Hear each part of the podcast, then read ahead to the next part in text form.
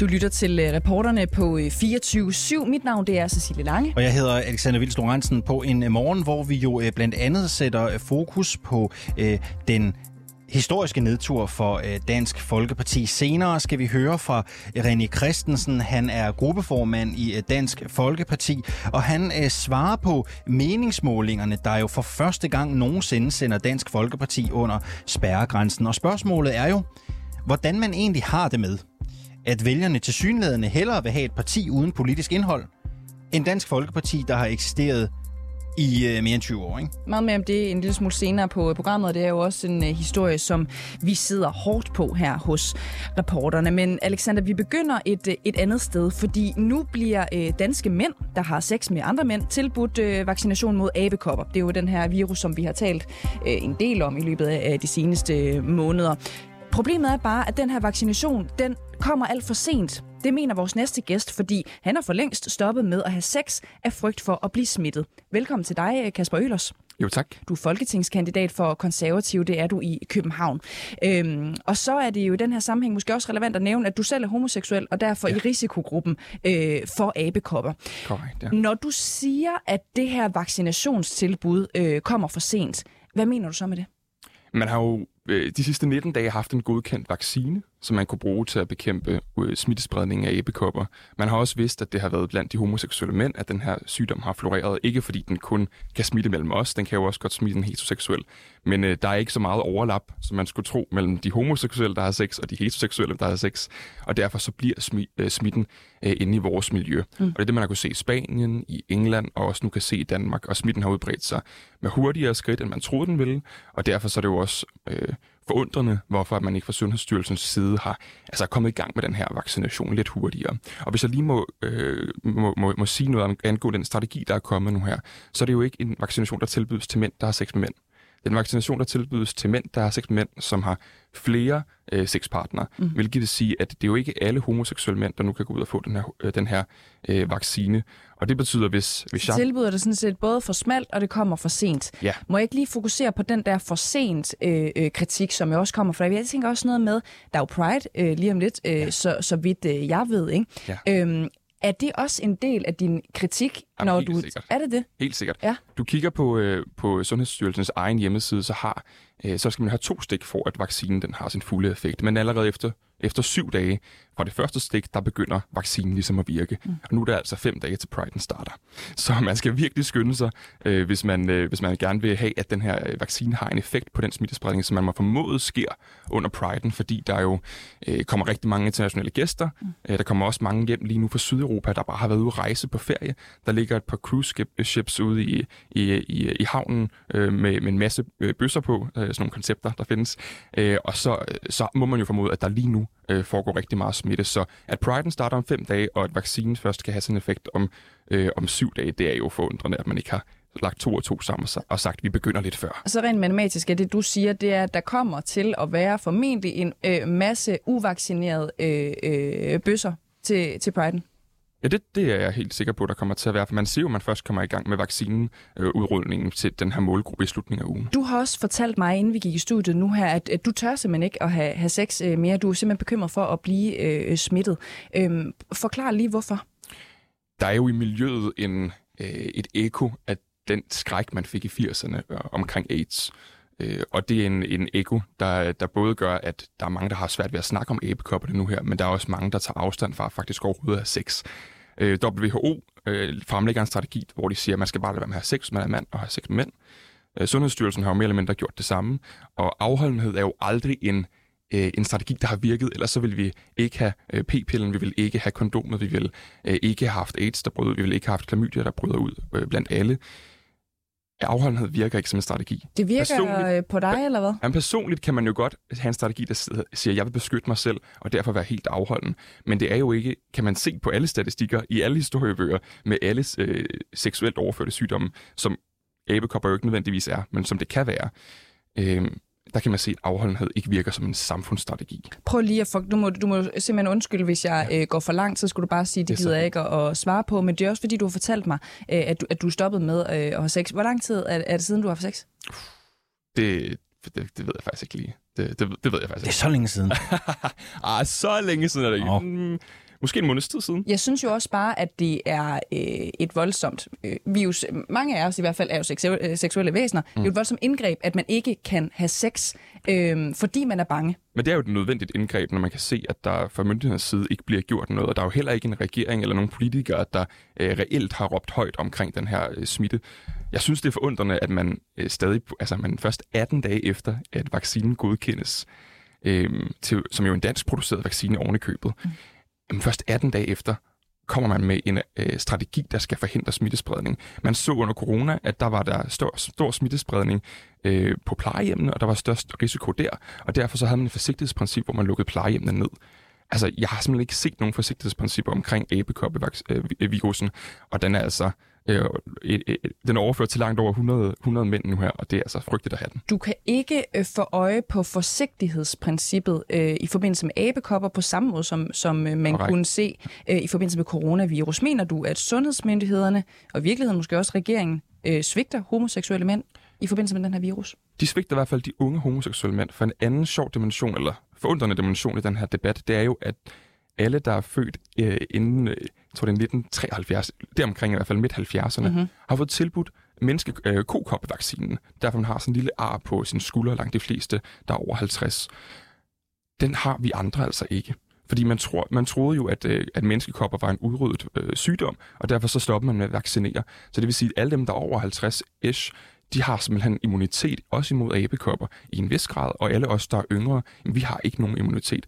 Og så kan man jo kigge, kigge på sig selv og sige, jamen okay, hvem er det, der tager beslutningerne omkring, hvad, hvad er det for nogle, øh, hvem der bliver tilbudt vacciner? Jamen det er primært men, øh, mennesker over 50 år, øh, og, og har de så øje på os, der er en ekstra, øh, ekstra smitterisiko, og det er derfor, vi skal have øh, vi skal have flere øh, unge ind og, og tage nogle beslutninger, fordi der er jo også nogle gange, sådan nogle her sygdomme, de, de rammer også unge hårdere. Tror du, det er bevidst, at dem, som sidder og har noget at skulle have sagt, ikke prioriterer øh, sundheden for øh, unge homoseksuelle mænd? Jeg kan ikke vide, hvad der er gået igennem deres hoveder. Jeg kan forestille mig, at det øh, kunne være det, øh, men jeg tror det ikke. Jeg håber ikke, at det, det er det, der, der foregik. Jeg tror måske faktisk mere, at det er et et overhensyn, man har taget. Man har prøvet øh, at tage hensyn til den her homoseksuelle gruppe, som har været stærkt stigmatiseret øh, lige fra 80'erne, der AIDS brød ud, og også inden det. En stigmatiseret gruppe, man ikke har vel puttet øget stigmatisering på, men man har jo gjort de homoseksuelle mænd en bjørnetjeneste ved at sige, vi tilbyder ikke vaccinen, for så stigmatiserer vi jer. Derimod så udsætter vi, så, udsætter vi os for risiko for at blive smittet og gå igennem to til fire ugers isolation, mm. øh, kraftige smerter, blod ud af, øh, ud af øh, blod, blod ud med afføringen mm. øhm, og, og, og isolation, som sagt.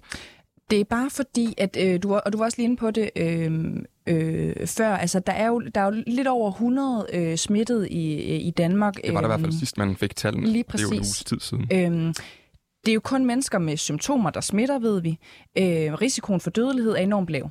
Mm. Jeg tænker bare på, altså, hvilke kompetencer du har i forhold til at gå ind og kritisere Sundhedsstyrelsens risikovurdering i forhold til lige præcis den her virus.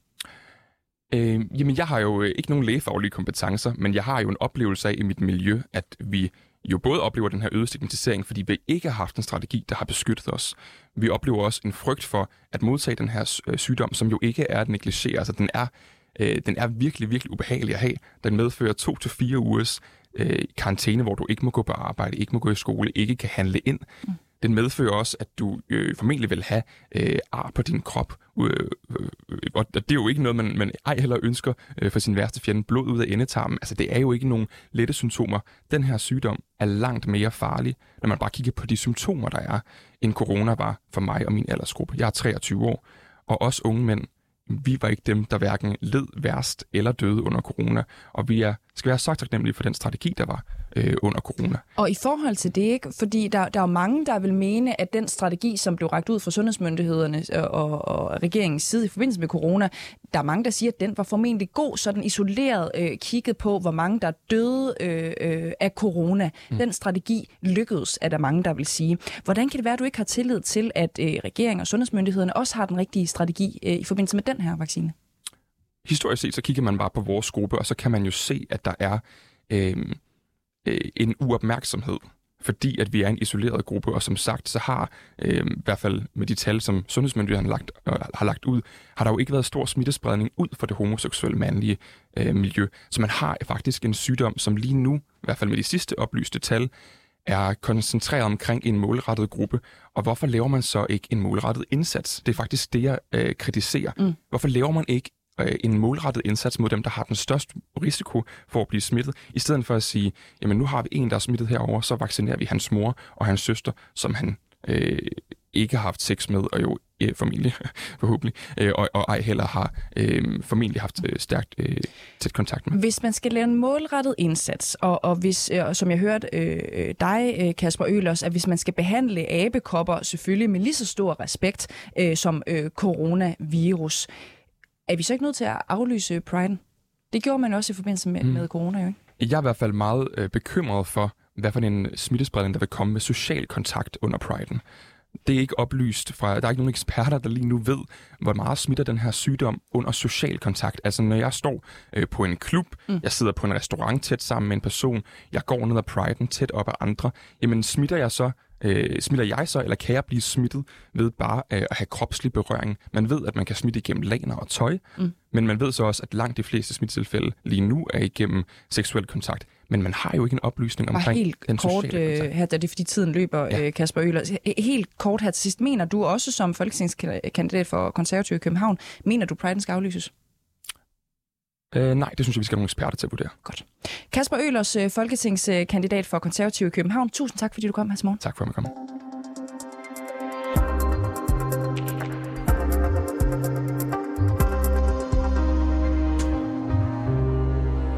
Amnesty International begået øh, det, man kan kalde videnskabelig uredelighed i deres øh, rapport, hvor de øh, dokumenterer øh, krigsforbrydelser i øh, Ukraine. Det skal det handle om i de næste 10 minutters øh, tid. Jeg starter lige med et citat. Det er bemærkelsesværdigt, at de, og det er så Amnesty, der refereres til, kommer med så markante påstande uden flere beviser.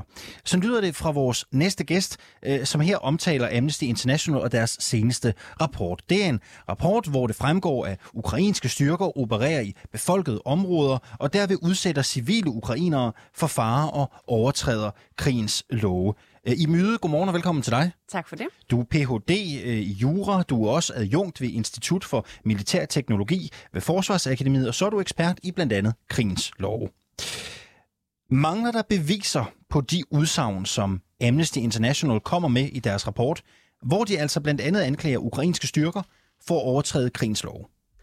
I hvert fald så er de beviser ikke inkluderet i rapporten. Man kan sige, at Amnesty siger, at de har indsamlet dokumentation for de påstande, de har, men det er ikke inkluderet i rapporten, så man som læser står tilbage med et indtryk af, at det her bare et resume af en rapport, som så kommer senere, eller hvor er alle de her beviser henne? Øhm, de beviser, de siger, de har indsamlet. Så de er der simpelthen ikke, beviserne? Jamen, de er ikke inkluderet i rapporten. I hvert fald, der er ganske korte interviews med, øh, med vidner, men det er det hele. Øhm, tror du, de findes, de beviser? Jeg synes, det vil være meget, meget mærkeligt og også øh, risikabelt for Amnesty at sige, at de har indsamlet dokumentation for de her overtrædelser af krigens lov fra Ukraines side, hvis de ikke har den dokumentation. Og når man læser Amnesty's rapport eller deres artikel, øh, det kan man vel nærmere kalde det, det er i hvert fald det, du lægger op til her, så er den heller ikke særlig lang. Lad os lige prøve at dykke ned i noget af det, der står. Og lad os starte med, hvad de skriver om deres metode øh, og fremgangsmåde. Jeg læser op. Imellem april og juli undersøgte Amnesty's researcher i flere uger russiske angreb i Kharkiv, Donbass og Mykolaiv-regionerne. Researcherne inspicerede områderne, der var blevet angrebet, interviewede overlevende, vidner og pårørende til ofre for angrebene og udførte våbenanalyse. Er det en normal fremgangsmåde? Jamen det umiddelbart lyder det som en rigtig fin og grundig fremgangsmåde, som, som mange, der efterforsker øh, krigsforbrydelser i konfliktområder, benytter sig af. Der står også i rapporten, at de har haft adgang til satellitbilleder og andre ting, der har kunne understøtte deres konklusioner.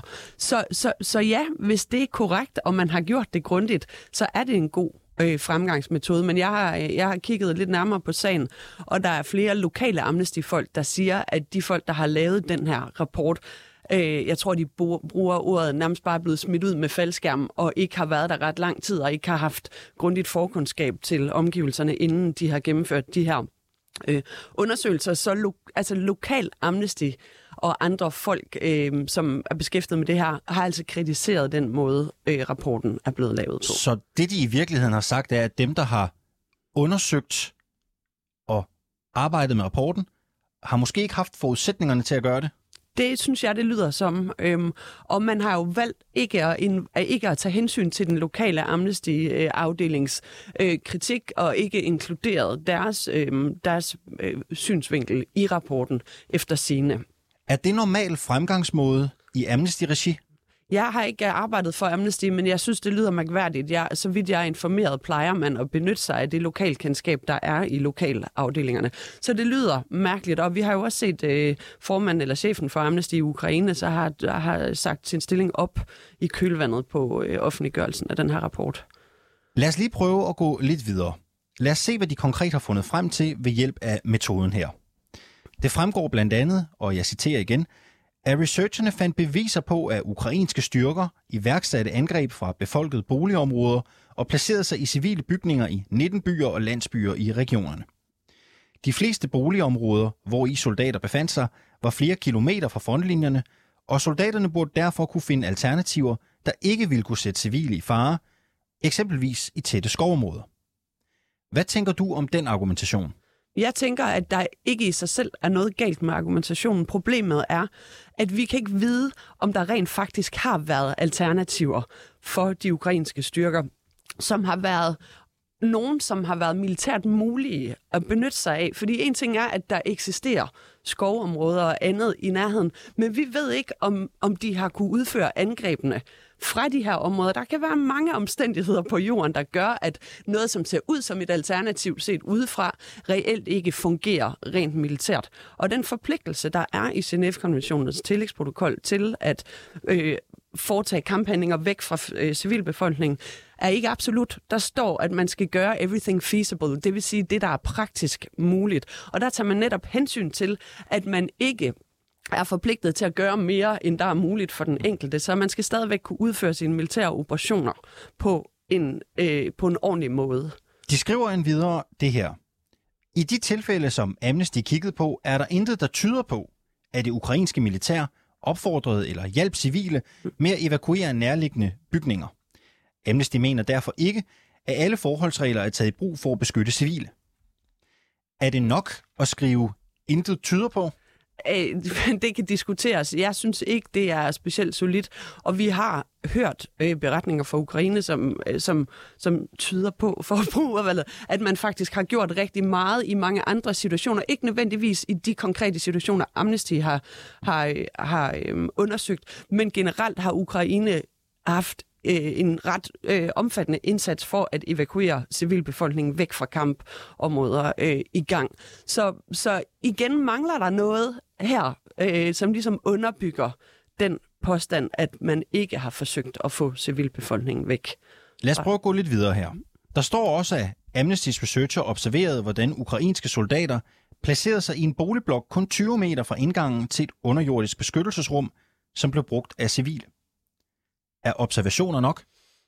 Hvis der er nok observationer, og de er fra pålidelige nok kilder, så kan det, være, så kan det bestemt være noget, der har vægt. Men igen, billeder, satellit, øh, fotos, andre ting, som rent faktisk kan understøtte de her ting, vil være en rigtig god ting. Og hvis Amnesty har dem, så læg dem på bordet. Øhm, jeg ved godt, du ikke har arbejdet hos øh, Amnesty, men, men jeg, jeg spørger dig alligevel, fordi du har indgående kendskab til, hvordan sådan noget her øh, skal eller bør udformes. Den rapport, som er kortfattet og som du siger mangler konkrete beviser og dokumentation,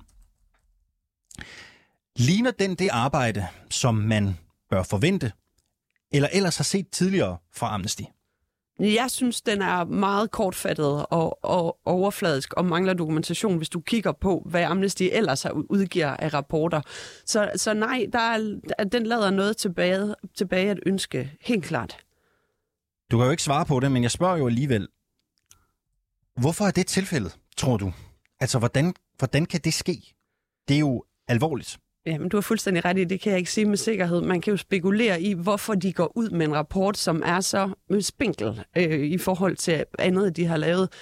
Øhm, jeg ved ikke, om det kan have noget at gøre med, at man har haft et behov for at demonstrere fra Amnesty side, at man dækker altså begge parter i konflikten lige meget, så det ikke kun er et spørgsmål, eller så, så det ikke skal se ud som om, at det kun er russiske overtrædelser, man har øje for. Så det er politik?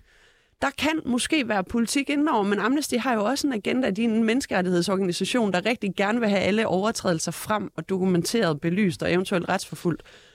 Øhm, men det er, det er utroligt bemærkelsesværdigt, at man er gået ud med den her rapport og møder, altså, og ikke har været forberedt på omfanget af den kritik, og faktisk er nødt til at gå ud og give en undskyldning for den, øh, det følelsesmæssige øh, stress, det har udløst øh, mange steder, og den kritik, man er blevet mødt med. Mener du, at den rapport, Amnesty har lavet, at den, det papir, verden er skrevet på?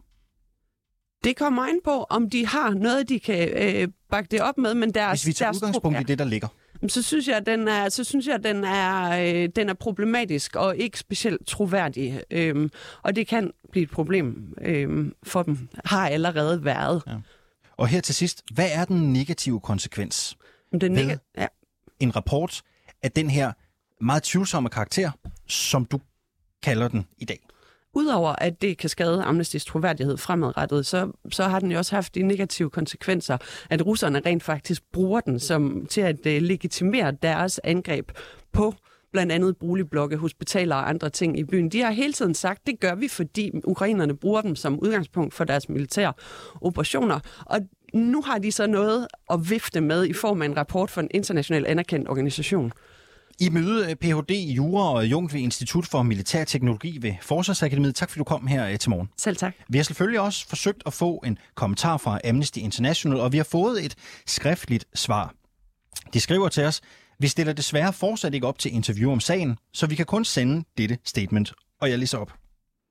Vi har igen og igen kritiseret russiske krigsforbrydelser siden invasionen af Ukraine, i sådan en grad, at vores kontor i Rusland i april blev lukket af myndighederne. Men når vi bliver opmærksomme på brud på krigens love begået af Ukraine, vil det være dybt utroværdigt for os ikke at rapportere om dem også. Det er trods alt vores opgave som menneskerettighedsorganisation at beskytte civile mod overgreb, uanset hvem der står bag. Den ukrainske praksis retfærdiggør dog på ingen måde Ruslands modangreb eller Ruslands krigsforbrydelser mod den ukrainske befolkning. I forhold til øh, at blive spændt for en propagandavogn, så bliver Amnesty International og andre organisationer, der dokumenterer menneskerettighedskrænkelser, ofte citeret og fejlciteret af forskellige parter med propaganda for øje. Dette forstår ikke til at censurere vores dokumentation.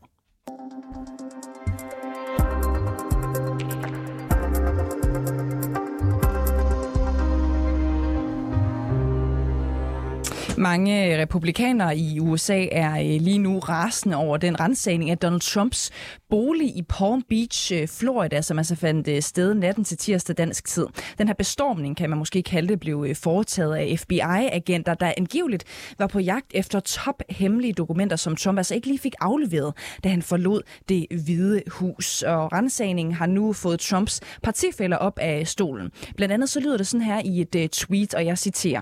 Hvis de kan gøre det her mod en tidligere præsident, så forestil jer, hvad de kan gøre mod dig. Niels Bjerre Poulsen, lektor og historiker ved Center for Amerikanske Studier på Syddansk Universitet. Godmorgen til dig. Godmorgen, øhm, og tak fordi du valgte det sjoveste tweet. det var bare øh, så lidt, øh, Niels Bjerg øh, Poulsen. Tweetet, som jo lige blev læst op her, øh, kommer fra republikanernes øh, gruppe i øh, repræsentanternes hus. Hvorfor bliver de så vrede over det her?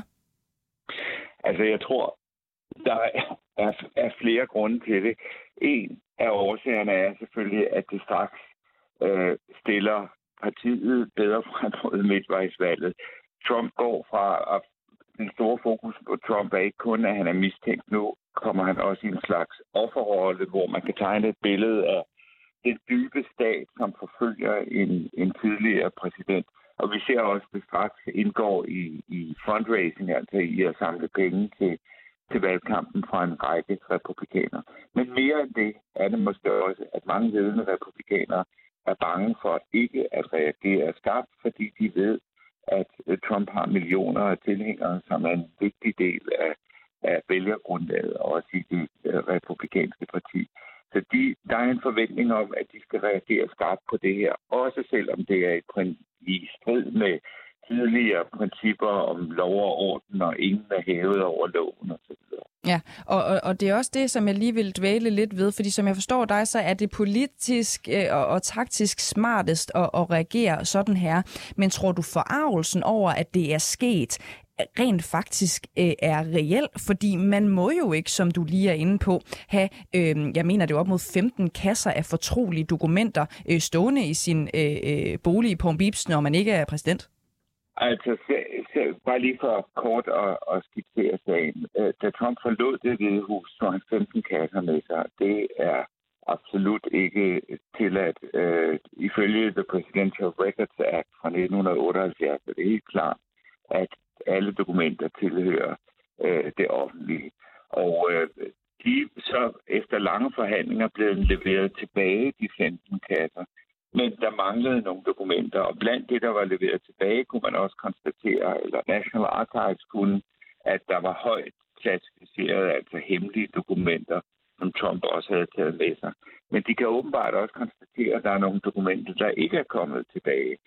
Og det har man så forhandlet frem og tilbage og for at få øh, Trump til at udlevere de dokumenter, hvilket han ikke har gjort. Og det var så baggrunden for den øh, højst usædvanlige eller mm, enestående aktion, som øh, FBI så udførte for at finde, hvad der måtte være af, af hemmelige dokumenter.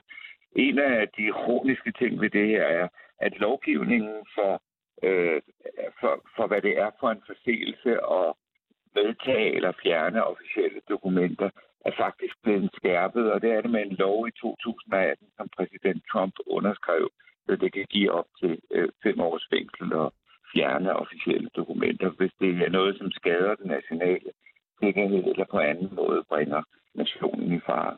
Så det vil sige, at Trump har selv været med til at vedtage den øh, lov, som altså gør, at hans hus i Palm Beach i Florida er blevet øh, renset af FBI, og øh, ja, som potentielt, og det må du svare på, kan gøre, at han ender i fængsel? Nej, altså det, han ender ikke i fængsel på grund af det her, det tror jeg ikke. Men, men øh, der er selvfølgelig en vis ironi i, at lovgivningen eksisterede hele tiden. Der er ingen tvivl om officielle dokumenter, særligt klassificerede dokumenter, hvor ikke udleveres. Øh, og der skærpede man altså lovgivningen og straframmen i 2018, og det var en lov, som præsident øh, Trump underskrev. Der er også selvfølgelig det, at både FBI-chefen, øh, som øh, altså øh, har stået for operationen, og den føderale dommer, som har godkendt, at der var det, der hedder begrundet mistanke, det skal der være for, at man kan få godkendt sådan en aktion. Det er begge to folk også, som er udpeget af Trump i sin tid. Alligevel er den reaktion, man så hører fra demokrater eller fra republikanske politikere nu, er, at det her er Bidens forlængede arm. Det er Bidens FBI, som af politiske årsager øh, går efter øh, Donald Trump.